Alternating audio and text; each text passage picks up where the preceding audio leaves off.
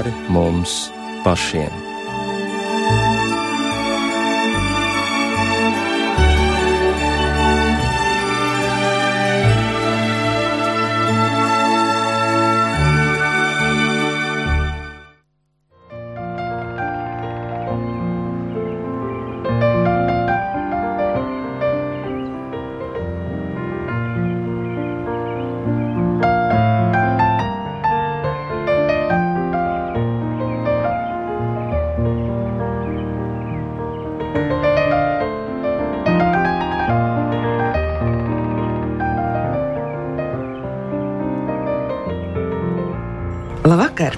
Jums runā Rīta Brunēvica. Lieldienu vēsts skan, viņš dzīves, Kristus ir augšām cēlies. Tas ir kristīgās draudzes stūrakmens.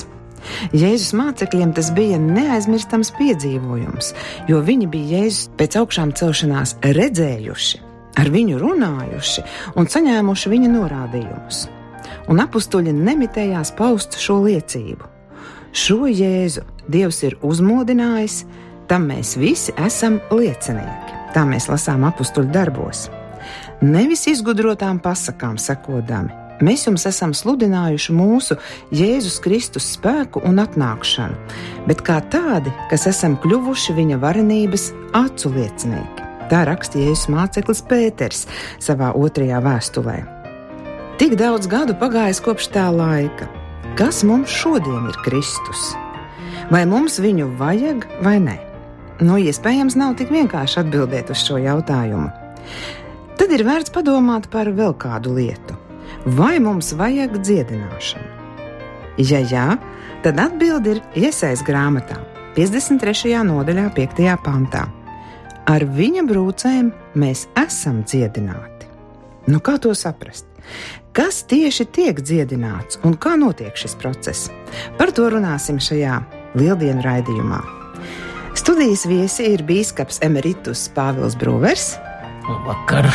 Un Baptistu mācītājs bīskapa vietnieks Edgars Godiņš. Labvakar!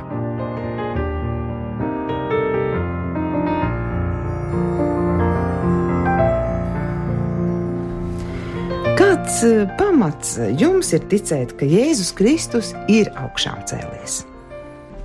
Nu, pirmkārt, jau mēs ticam svētajiem rakstiem, kas ir Dieva nemaldīgs, patiesa vārds. Un eh, šiem rakstiem mēs ticam tāpēc, ka šie raksti ir mūs uzrunājuši mūsu sirdī.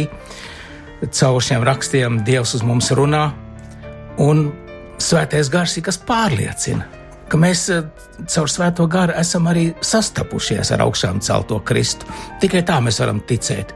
Citādi tas viss ir tikai tāda teorija, tā ir tāda kaut kāda filozofija, kristīgā, bet eh, tā ir arī tā personīgā sastapšanās. Un, ja tu esi ar viņu sastapies, tad tu vari ticēt. Citādi tā nav īsta ticība. Jā, daudziem no malas skatoties, tā arī šķiet, ka tā ir tāda izdomāta teorija, jo neko redzēt jau mēs nevaram, un mums pat nav nekāds dieva attēls. Piemēram, budistiem ir savs būdus, ko viņi paskatās, un jo ilgāk skatās, iespējams, jo vairāk tic, bet mums nekā nav. Ja nu vienīgi turīnas līķaut nospiedums, tas man liekas ir ļoti autentisks.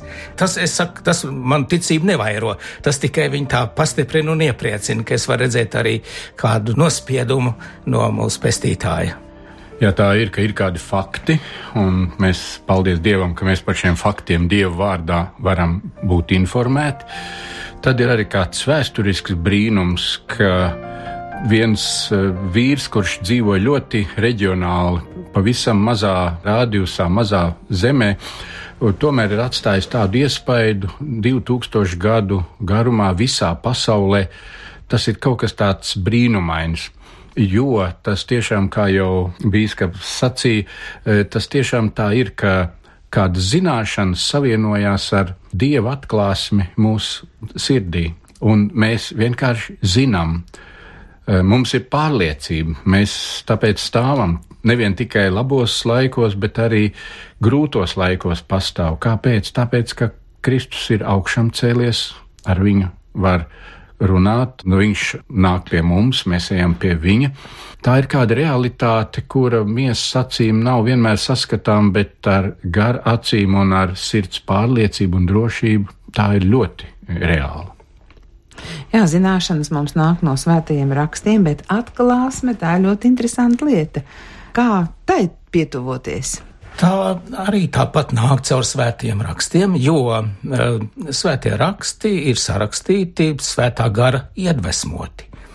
Un ja mēs ar atvērtu sirdi viņu lasām, tad arī tā pati iedvesma, kas iedvesmoja rakstītāju, tas pats svētais gars arī iedvesmo mūsu sirdis un mūs pārliecina. Un tas uz mums runā, un tas runā tik reāli, ka, ja tu to balsi sadzirdi, tad tu nevari teikt, ka tas nav, ka tas nav reāli. Tas ir reāli. Un tā arī nāk tā atklāsme caur svēto garu.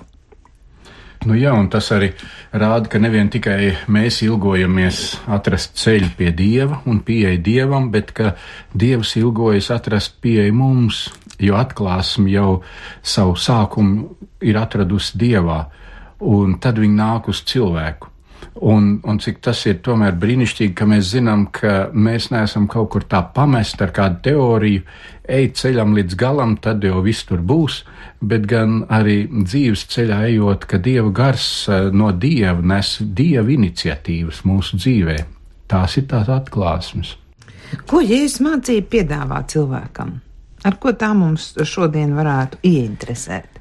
Pirmkārt, jau tā piedāvā mums visu mūsu grēku piedošanu, mūs izlīdzina mūsu attiecības ar Dievu, padara mūs par Dievu bērniem, par mūžīgās dzīvības mantiniekiem.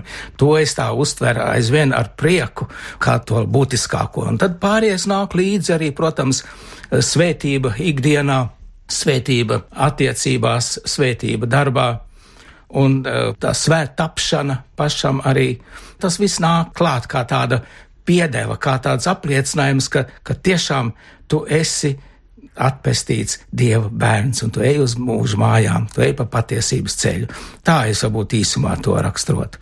Tā ir, ka mēs esam radīti eh, vairāk nekā tikai, lai paši sevi vadītu un paši savu dzīvi veidotu.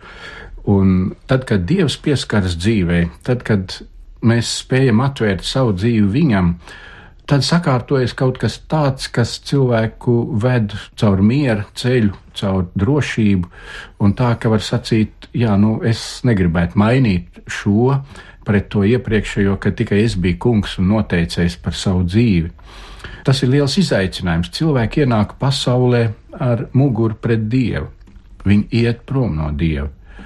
Un ir jābūt kādam brīdim, kad pagriežās ar seju pret Dievu un saka, es atgriežos pie tevis, Dievs. Un tā ir Kristus vēsts, tā ir viņa augšām celtā vēsts, tā ir viņa realitāte cilvēku dzīvēs. Un tādēļ, ka tas ar vienu vēl notiek un ka nav jau cita līdzekļa, kā grēku nomazgāt, kā tikai caur Jēzu Kristu tā ir augšām celšanās vēsts. Varam novilkt robežu. Mana pagātne, par kuru man kauns, man nākotne, kur ir tagad ar Jēzu.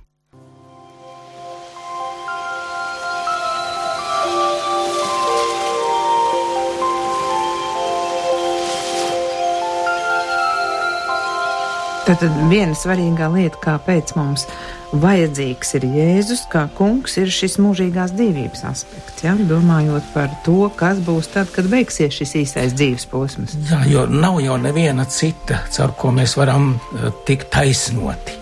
Jo mēs esam grēcīgi cilvēki, pār mums valda iedzimtais grēks, ja, ko, ko esam saņēmuši no mūsu pirmajiem vecākiem, Ādama un Ievas, no viņa nepaklausības. Tur uh, arī varētu vēl ieiet dziļumā, ko tas nozīmē šis iedzimtais grēks un kā mēs tajā visi esam iegremdēti. Un nav, nav vienkārši mums cita ceļa no tā ārā, kā tas Kristus upuris, tās viņa brūces, kuras viņš mūsu dēļ ir nesis, un caur tām mēs esam no šīs grēka vainas dziedināti. Tas ir tas būtiskākais, jā.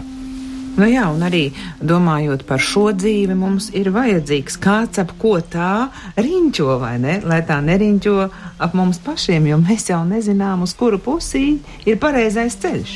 Jā, un eh, tad arī mēs labāk varam savu dzīvi saprast. Citādāk tā dzīves izpratne iet ar to, ka, ja es esmu vesels, ja viss notiek ar veiksmi un eh, viss nes man prieku, tad es esmu labā ceļā. Un, ja ir kādi sarežģījumi, tad es nesu kādu sodu un kādu nolādējumu. bet caur Jēzu Kristu mēs ieraugam arī tomēr savādāk, ka ne katreiz labais ceļš ir tas, kas ved uz mūžību un labi beigsies, bet tas ceļš, kas iet ar Jēzu, tas ir tas ceļš, kas vienmēr veiksies labi. Un tas iet bieži vien caur kādu grūtu ielai. Tā kā šodien mēs svinam lieldienas, un mēs esam priecīgi, ka ir gaveņa laiks garām un ir klusā nedēļa, jo ir grūti iet līdzi cietējam, ir grūti iet līdzi tur, kur mēs nezinām atbildes. Tur, kur mēs skatāmies arī uz Jēzus, uz nodevību, uz uh, brutālo apiešanos ar viņu, cik tas ir grūti, mēs gribam ātrāk aizšķirt to lapu un iet uz lieldienām. Bet lieldienas nevar pienākt bez tā, ka mēs izējām cauri tam sāpju ceļam. Arī mūsu dzīvē, mūsu augšām celšanās nevarēs pienākt ātrāk, kamēr nebūsim izgājuši cauri tam sāpju ceļam.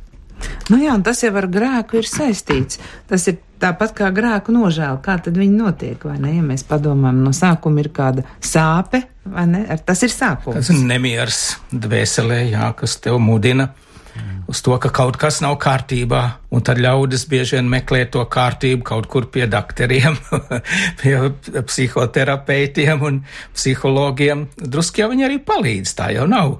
Bet tas ir tāda virspusēja dziedināšana. Ja grib saņemt tādu tiešām būtisku un dziļu dziedināšanu, tad vienīgi pie Kristus viņa nopelns mūs dziedina to mūsu dziļo vainu. Nu jā, un redzījuma sākumā jau es uh, citēju no Iesaijas grāmatas tekstu, ar viņa brūcēm mēs esam dziedināti. Nu, dziedināšana tas ir tāds ļoti skaists vārds, kas cilvēkos, manuprāt, izraisa labsajūtu. Un katram ir kāda kaita, no kuras viņš vēlas būt brīvs, kādam tā ir fiziska, kādam dvēseliska. No kā tad Jēzus mūs dziedina? Kādu dziedināšanu viņš piedāvā? Nu, tā ir, kā jau tas sākumā teikts, ja tas no, no iedzimtā grēka, bet tam grēkam ir aizvien kaut kādas izpausmes, kaut kādas sekas. Ja? Un uh, mums jau bieži vien uh, ļaudīm liekas, ka mēs esam labi, mēs uh, varbūt nezogam un, un, un tur nedaram kādas tādas acīm redzamas pārkāpumus. Tad liekas, ka mums viss kārtībā. Bet tomēr sirdsdziļumos, ja mēs tā ieskatāmies paši sevī, mēs tomēr arī saskatām, ka tur kaut kas iekšā tāds grūst. Un arī Jēzus to arī saka, ja, ka no cilvēka sirds no iekšienes iznāk dažādas ļaunas domas, ja, zādzības un slepkavības un alkatība, ļaunprātība un laulības pārkāpšana un visādas tādas lietas. Un tas ir tas, ka pret to vainu, kas no sirds iznāk, caur Kristus eh, brūcēm mēs tiekam dziedināti, un mums tiek viņas uzrādīts. Dažkārt nu, tā ir.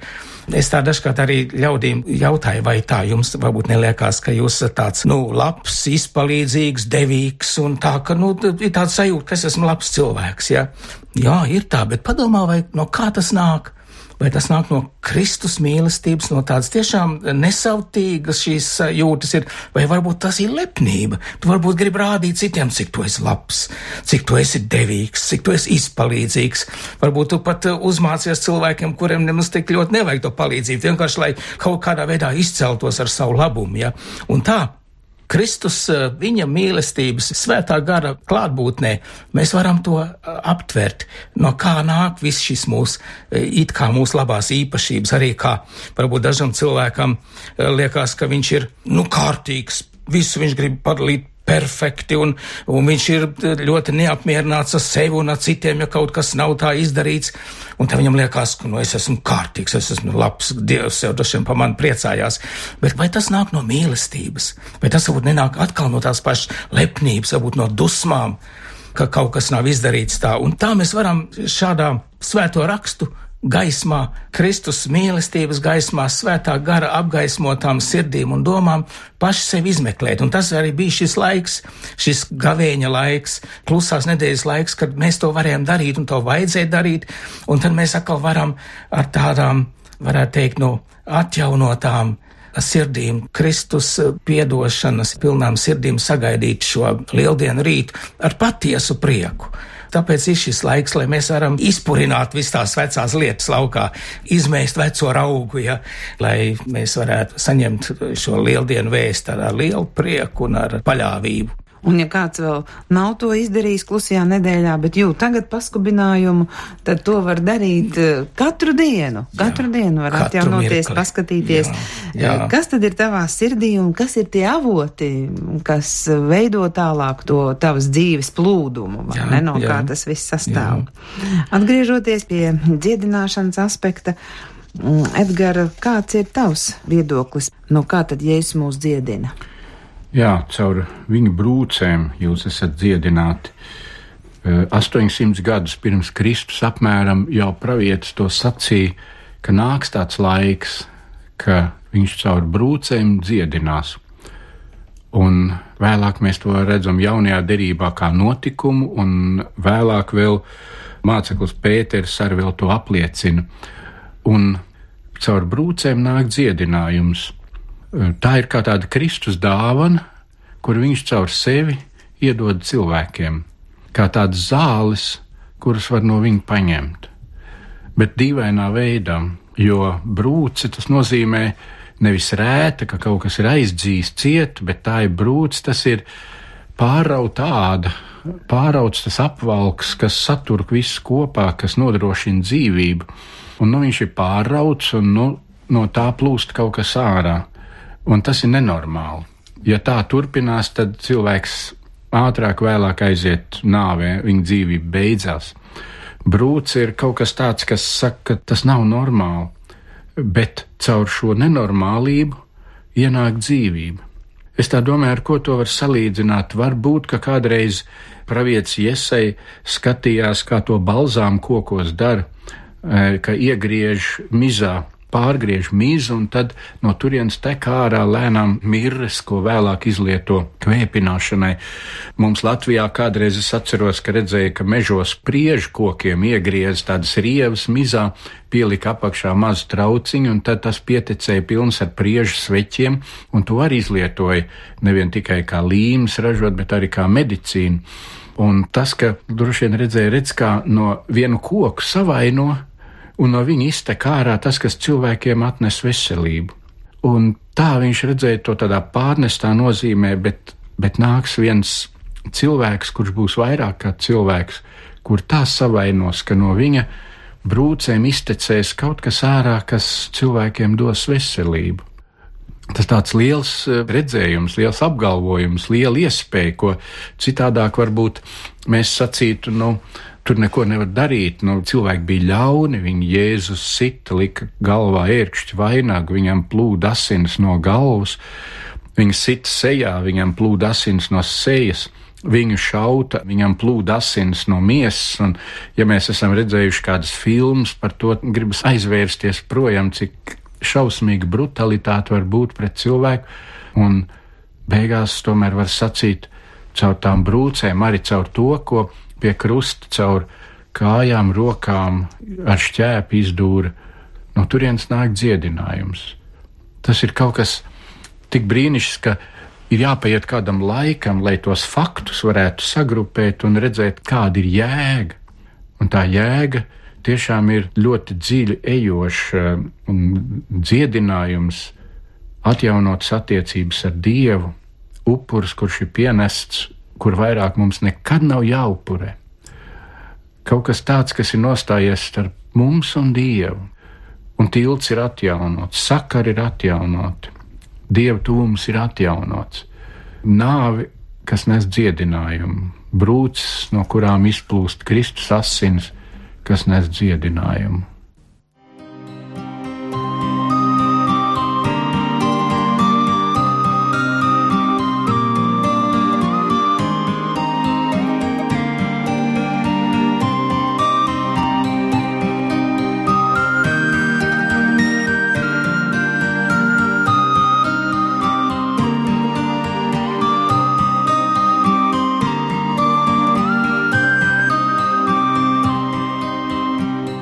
Mēs arī kā tādu slimību uzskatām dažādas atkarības. Ja. Alkoholisms agrāk varbūt domāju, tā ir vienkārši izlaidība. Ir jau ar sākumā, bet beig beigās tā noved tev atkarībā, kas ir slimība, narkomānija. Tā arī sākumā varbūt tā tikai tāds joks un tāds nu, prieks, bet beigās arī tā ir atkarība. Ja? Un tā grēks noved mūs visādās atkarībās, noved arī alkatībā, ja, no kura radās visdažādākās problēmas, tāda tā kā bezatbildība. Nu, tagad mēs redzējām to lielo traģēdiju, kas Krievijā tur ir. Nu, kāpēc tā notika? Nu, acīm redzot, kaut kas ne, netika ievērots, kaut kāda vieglprātība, iespējams, ka alkatības dēļ, vienkārši lai taupītu kaut kādas līdzekļus, tur kaut kam pietaupīja, kaut ko neizdarīja tā, lai šie bērni, šie ļaudis būtu pasargāti. Ja? Tā arī bieži vien mēs arī sajūtam kā tādu saistību paši savu dabu. Bieži vien cilvēks saka, jā, nu es esmu tāds strauji, es tāds esmu, es savādāk nevaru. Ja? Tas ir arī no kā mēs tiekam dziedināti. Un tad, kad cilvēks sastopas Kristu, ka augšām celto Kristu sastop viņa mīlestību, viņa dziedināšanu, ielaiž savā sirdī, tad no visa tā cilvēka tiek dziedināta. Mēs zinām ļoti daudz šādus vienreizējus stāstus, kā cilvēki atbrīvoti no alkoholisma, kā atbrīvoti no narkomānijas, kā atbrīvoti no dažādām citām saistībām. Ja? Tas ir arī tāda gluži praktiska dziedināšana, jo Dievs jau dziedina ne tikai dvēseli, Dievs visu dziedina, veselu. Vesels tas ir tas, ka nu, cilvēks ir savā veselumā, ir vesels. Ja? Gan dvēsele, gan gars, gan miesa viņam tiek dziedināta. Jā, jā, tagad jau par to vairs nemaz nestrīdās, ka uh, ārējās slimības bieži vien ir savā saknē iekšējā cilvēkā. Jā. Un, un Jēzus tāpēc nevis tikai ārēji kaut ko sakārto, bet viņš izmaina cilvēku iekšējo būtību ka tur ienāk miers, sakārtotība, drošība, atjaunotas attiecības ar Dievu, ar līdzcilvēkiem, un tad tās ārējās slimības uh, viss aiziet dziedinājuma procesā. Jā, iepriekšējā raidījumā mēs runājam par rūkumu, un arī domājam par to, ka no eh, šīs rūkuma, kas sirdī rūkst, arī daudzas slimības cilvēkam rodas. Jā, īpaši kuņģa čūla. nu, lūk, konkrēti, vai ne? Jā, jā. Arī kādas nervu slimības. Jā, jā, jā. jā. Tā kā garīgā pasaule ietekmē fizisko pasauli. Jā, noteikti. Un, un kad Pāvils jūs stāstījāt par tām atkarībām, tad arī man iesais grāmata ļoti patīk to pārlasīt vienmēr īpaši pirms lieldienām, un tur arī iesai jau raksta toreiz pirms tik daudz gadiem, ka viņš pasludinās saistītiem pilnīgu brīvību. Pilnīgi brīvību Tas pat jā. pamatots vārdā, ne jā, tikai jā, mēs jā, to runājam tā jā, jā. runāšanas pēc, bet ir pamats svētajos rakstos. Un lielākā nebrīvība ir, ka nonāca tāds grēka gūstā, ja, jo grēks, ik viens, kas dara grēku, ir grēka vergs. Tā saka Jēzus, ja, un tā ir tā saistība, tā ir tā, un, ja no, kāds, mums jāatbrīvo. Un, ja kāda, kas klausās, nav saistīta un ir fiziski vesela, tas ir tiešām brīnišķīgs stāvoklis, bet ik pa brīdim gadās arī noskuma cilvēkam, un tad atkal var atcerēties, ko Jēzus raksta, iepriecina visus noskumušos. Vai ne, tu, tur ir ko Jā. paņemt un, un lasīt, un tas arī piepildās. Jā, it sevišķi, ja to lasa tādu atvērtu sirdi, jo bieži vien ļaudis Bībeli lasa tādu kritiski, jo mēs esam, mūsu modernais cilvēks ir tā pieradis visu tā, tā kā analizēt, vērtēt, kritizēt. Nu, prāts, arī, jā, mums ir arī tā kritiskā bībeles metode, ja, ka visu, visu pārbauda, vai tas tiešām tā ir bijis un, un kāda tā situācija. Arī tas ir vajadzīgs, tas ir, tas piedara arī pie ticības dzīves, iešanas dziļumā ticības dzīvē. Bet, ja vēlas saņemt uh, dziedināšanu un mierinājumu no Dieva vārda, tad viņam vislabāk ir, ja mēs ar atvērtu sirdi tā lasām un raugamies, kas mūsu sirdi uzrunā. Tā ir tāda, tāda viena īpaša arī metode, tāda dievišķā lasīšana, ka mēs lēni, lēni lasām un izgaršojam, izgaršojam katru vārdu, katru frāzi. Un tad, kad tu to esi beidzis lasīt, tad tu redz, ka tev sirdī ienāca miers, prieks un dziedināts ir tās vainas, kas varbūt bija atkal jau sakrājušās. Bet varbūt, ka tā dziedināšana nenotiek uzreiz, ir vajadzīga pacietība un kāds laiks. Jā, redz, e, tā jau ir, ka citreiz Jēzus pieskaras un dziedina acu mirklī, un citreiz garš process. Jo ne jau tas svarīgākais ir e, tikt vaļā no tā dzīves sarežģījuma, kas man rodas caur slimību, bet svarīgākais ir izaugt ārā no tās problēmas, vai no tās domas, vai no nepareizā ceļa, pagriezties projām, lai tas būtu radījis kādu rezultātu dzīvē. Ne tikai man patīk grēkot, tagad esmu slims, dziedina man Jēzu, jo es tad atkal varēšu grēkot. E, tas nav tas ceļš, uz ko Jēzus nāva un asins un viņa brūces mūs ved. Bet e, slimības jau bieži vien ir tādas bremzes, kuras Dievs pielieto mūsu dzīvē, lai varētu apstāties un mazliet pāanalizēt un pārdomāt, vai viss, ko es daru, ir pareizi. Vai manai dzīvei, ja es tā turpināšu, būs arī kāda mūžības jēga, e, vai cilvēki, kur vidū es dzīvoju, vai viņi ir priecīgi un pateicīgi par manu dzīvi, un vai viņiem tādēļ ir vieglāk dzīvot, ka es esmu, jeb taisn otrādi, ka viņi nopūšās un raud un uh, uz Dievu sauc, um, paņem to briesmu un prom no manis. Tās ir smagas lietas, jo katrs grēks izsauc sodu, katrs grēks izsauc sodu. Un mēs cilvēki varam sagrēkot kaudzēm, bet neviens nezina līdzekli, kā varētu no grēka tikt vaļā. Ar aizmiršanu tā lieta neiet. Un šeit ir piedāvāts tas vienīgais līdzeklis, Jēzus asins. Jēzus asins, un kurš grib kādu citu ceļu atrast, tam tas neizdosies. Jo Jēzus asins tad ieved procesā, kurā notiek pilnīgi jaunradi, cilvēki jaunradi. Un tas tiešām, kā, kā tu saki, jā, tas, tas var nebūt acu mirklī, e, tas var būt kā tāds process. Kaut gan citreiz mēs piedzīvojam arī pilnīgi pārsteidzoši ka kāds cilvēks, kurš ir grēks saistīts, vienalga e, smēķēšanā, izvērtībā, dzeršanā vai ļaunos vārdos, vai kā viņš no dienas uz nākošo dienu caur Jēzu Kristu, viņš pilnīgi tā kā uzmostās, viņam tā kā acis atvērās, viņš saka, kas ar mani ir bijis? Un viņš tagad var pilnīgi savādākām acīm viņu redzēt. Bet tas nav no cilvēka. Tas ir caur Kristus brūcēm, caur viņa asinīm, caur to, kas no viņa nāk, mūsu dzīve var tikt izmainīta. Jo var jau būt, ka kāds ir krietns vārdos un darbos, un viss viņu arī sacīs kā krietnu, bet viņš ar savu krietnumu pieeja dievam nevar radīt nekā. To var radīt tikai Jēzus asins, un žēl, grūti, bet lētāk tā lieta negāja.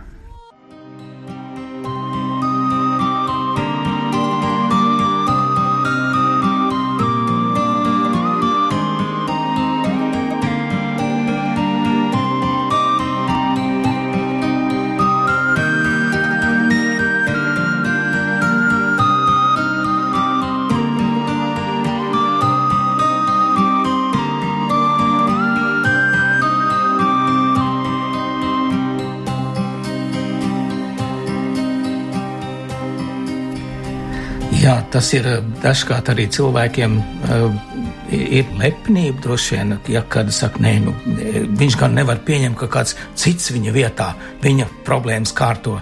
Vienalga, kas tas arī nebūtu. Viņš saka, es pats esmu atbildīgs par to, ko es esmu izdarījis, un man pašam ar visu jātiek galā.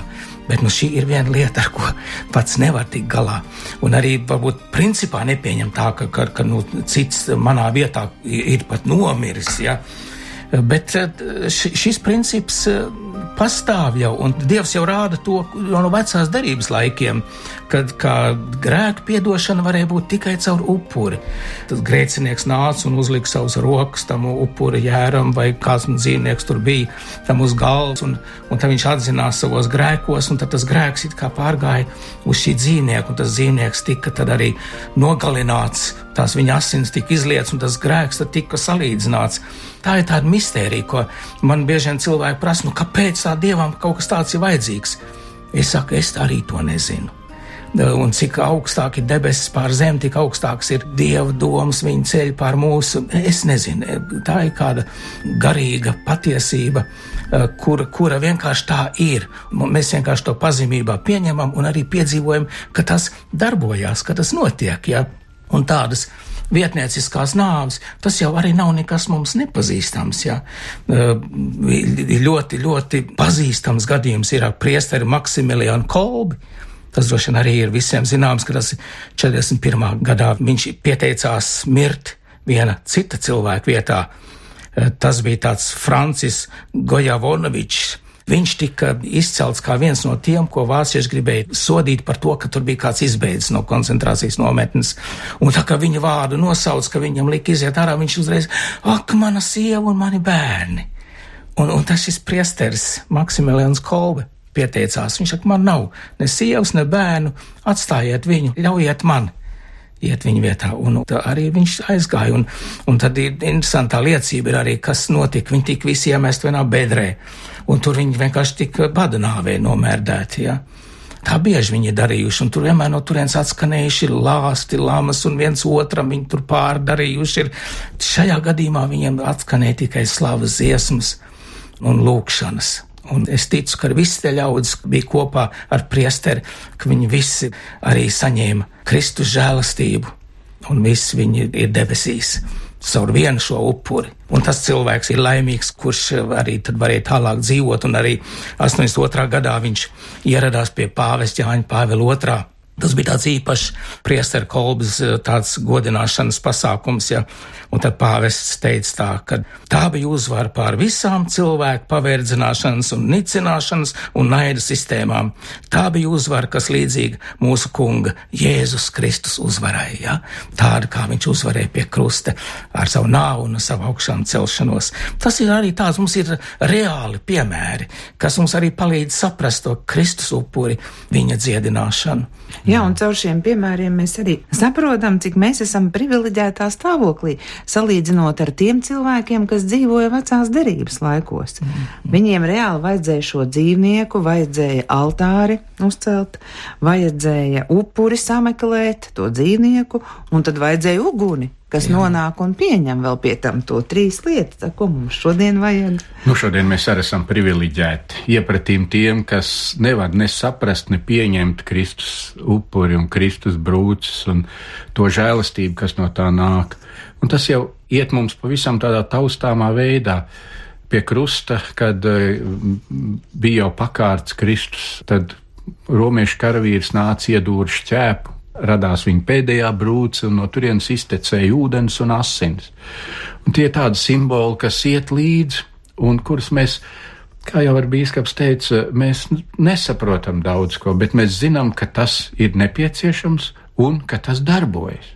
Ka tam ir nozīme, tam Dievs iedod klāt spēku un realitāti tam, ko mēs savā mazajā spējā varam izdarīt, kā ūdens, kā šķīstīšana, kā kristība ko mēs daudz tur varam, un tas izdara tik lielu lietu mūsu dzīvē. Tā ir kāda jauna derība, jauns līgums, jauns attiecības ar Dievu. Un tas ir Kristus asins, kas no viņa brūces iztek, ko mēs svētajos vakarēdienos saņemam un priecājamies un sakam, kungs, bez tā mēs nevaram. Un caur to mēs vienojamies ar tevi, un tu reāli nāc un stiprini un mēs varam dzīvot. Un tiešām nav jau reti tās reizes, kad arī tieši svētajā vakarēdienā bez lielas publiskas eh, lūgšanas un darīšanas cilvēki saņem dziedināšanu. Un viņi lūdz un iet un saka, kungs, tu esi šeit, dziedini mani, un notiek dziedināšanas tīri fiziski, garīgi. Tad no Kristus brūcēm mēs esam dziedināti, tas vēl ar vienu notiek un dievkalpojums, kur vārds pie mums atnāk, un svētais vakarēdienas, kur mēs saņemam, un kristība, kas ir mūsu žēlastības līdzekļi, tie ir tie, kas ir taustām rokas stiepienā attālumā. Un varbūt tie apžēlotie un priecīgie, kuri to var lietot, un ir tie, kuri to noraida. Lai vairāk ar šo lieldienas laiku būtu vairāk tie, kas to novērtētu un sacītu, Kaut kur pasaulē ir Kristus brūču dziedinājums, es vēl to neesmu izlietojis. Tā ir vēl mana iespēja. Steidzieties un sastopiet! Jā, tas ir, tas ir tiešām veids, kā pieņemt šo dziedināšanu. Viens ir par to zināt, bet otrs ir, nu, kā uz šīm brūcēm lūkoties. Kā es varu tur gūt sev labumu?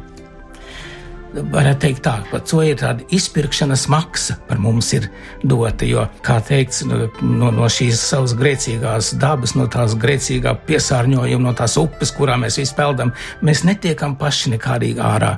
Un mums vajag kādu, kas mūs no tā izceļ ārā, ja? kā, kā, vēlreiz, nu, būtu kādā mutuļojošā upē nonācis un kāds skrietu gar, gar krastu un teiktu, ej, tev vajag stingru pamatu, turies tikai, ja, bet, nu, es zinu arī, ka vajag man viņu, bet man viņa nav. Bet Kristus ir tas, kas dod šo stingro pamatu, un e, viņš dod arī to izpirkuma maksu. Tā ir teiks, ka viņš ir, viņš ir mūsu grēku izpircējs, ja, tā kā uh, es būtu uh, pārdots verdzībā. Ja? Nu, senos laikos bija tā, ka kāds cilvēks bija kaut ko nogrēkojies stipri, ka viņš nevarēja, vai arī daudz parādā palicis, vienkārši viņu pārdeva, nodeva verdzībā. No tā viņš pats ārā netiek, bet pēkšņi kāds labs cilvēks gadās tur, viņam, viņš iežēlojās par viņu. Un viņš saka, labi, es par tevi samaksāšu. Ja?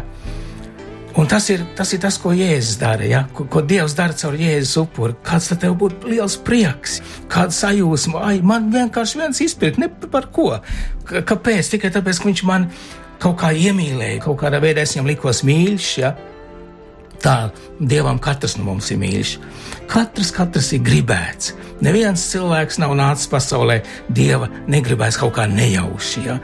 Katram, katram cilvēkam, Dievam ir kāds plāns.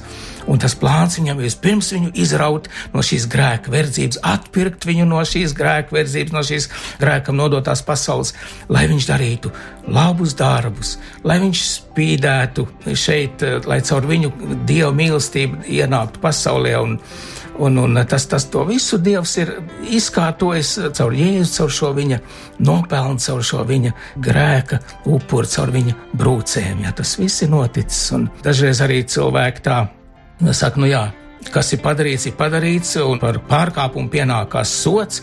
Tā ir pareizi, jā. Bet ja atkal ir tā, atkal varbūt tāda, tāda līdzība var būt, ka kāds cilvēks ir kaut kad nodarījis kādu pārkāpumu.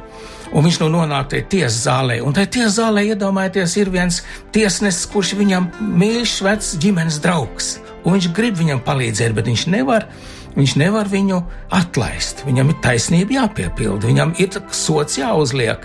Viņš arī uzliek viņam lielu sodu, tur tūkstoši eiro maksāt, jā, sodu. Bet tā kā tas sots ir uzlikts, viņš pēc tam izņem no savas kabatas tos tūkstoši eiro un iedod un noliek. Tas ir tā, kā Dievs caur, caur Jēzu mūs atpērk, mūs taisno. Un, un dziedina mūs, un, un, un iepriecina mūs, un ļauj mums būt brīviem no grēka, un iet un darīt labus darbus. Radījuma noslēgumā aizsūtīsim mūsu klausītājiem kādu audio kartiņu lieldienās ar kādu vēlējumu. Kamēr vēl ir šīs dienas pēdējā stunda, un kādreiz kartiņas rakstīja daudz, tagad arvien mazāk, bet mēs klausītāji jums novēlam. Jā, tā ir Kristus dāvana, nevien tikai viņa brūces, kas veido uz nāvi, bet viņa augšām celšanās, kas brūces pārvērš par rētām, sadziedē un nāk dziedinājums, bet rēti paliek. Tā paliks Kristus zīme līdz mūžībai. Arī mūsu dzīvē jau ir kādas grūtas lietas, bet, ziniet, caur Kristus nāvi un augšām celšanos ir dziedinājums iespējams dvēselē, garam un miesai. Nu, un šajā lieldienu dienas vakarā Es būtu ļoti priecīgs, ja mēs visi satvērtu augšām celto Kristu. Un tad varētu mēs sacīt, tā kā apustulis Pāvils saka vēstulē galotiešiem, bet nu nedzīvoju es, bet manī dzīvo Kristus. Bet cik es tagad dzīvoju miesā, es dzīvoju ticībā uz Dieva dēlu, kas man ir mīlējis un nodevies par mani. Lai nu mēs tā visi varētu šai vakarā gulēt, ejot arī Dievu priekšā sacīt. Paldies viesiem! Izskan raidījums pāri mums pašiem. Studijā bija biskups Emeritus Pāvils Brūvers un baptistu mācītājs biskupa vietnieks Edgars Godiņš. Ar viņiem sarunājās Rinte Bružēvica, par raidījumu skanējumu rūpējās Kristīna Dēlle. Ar labvakar!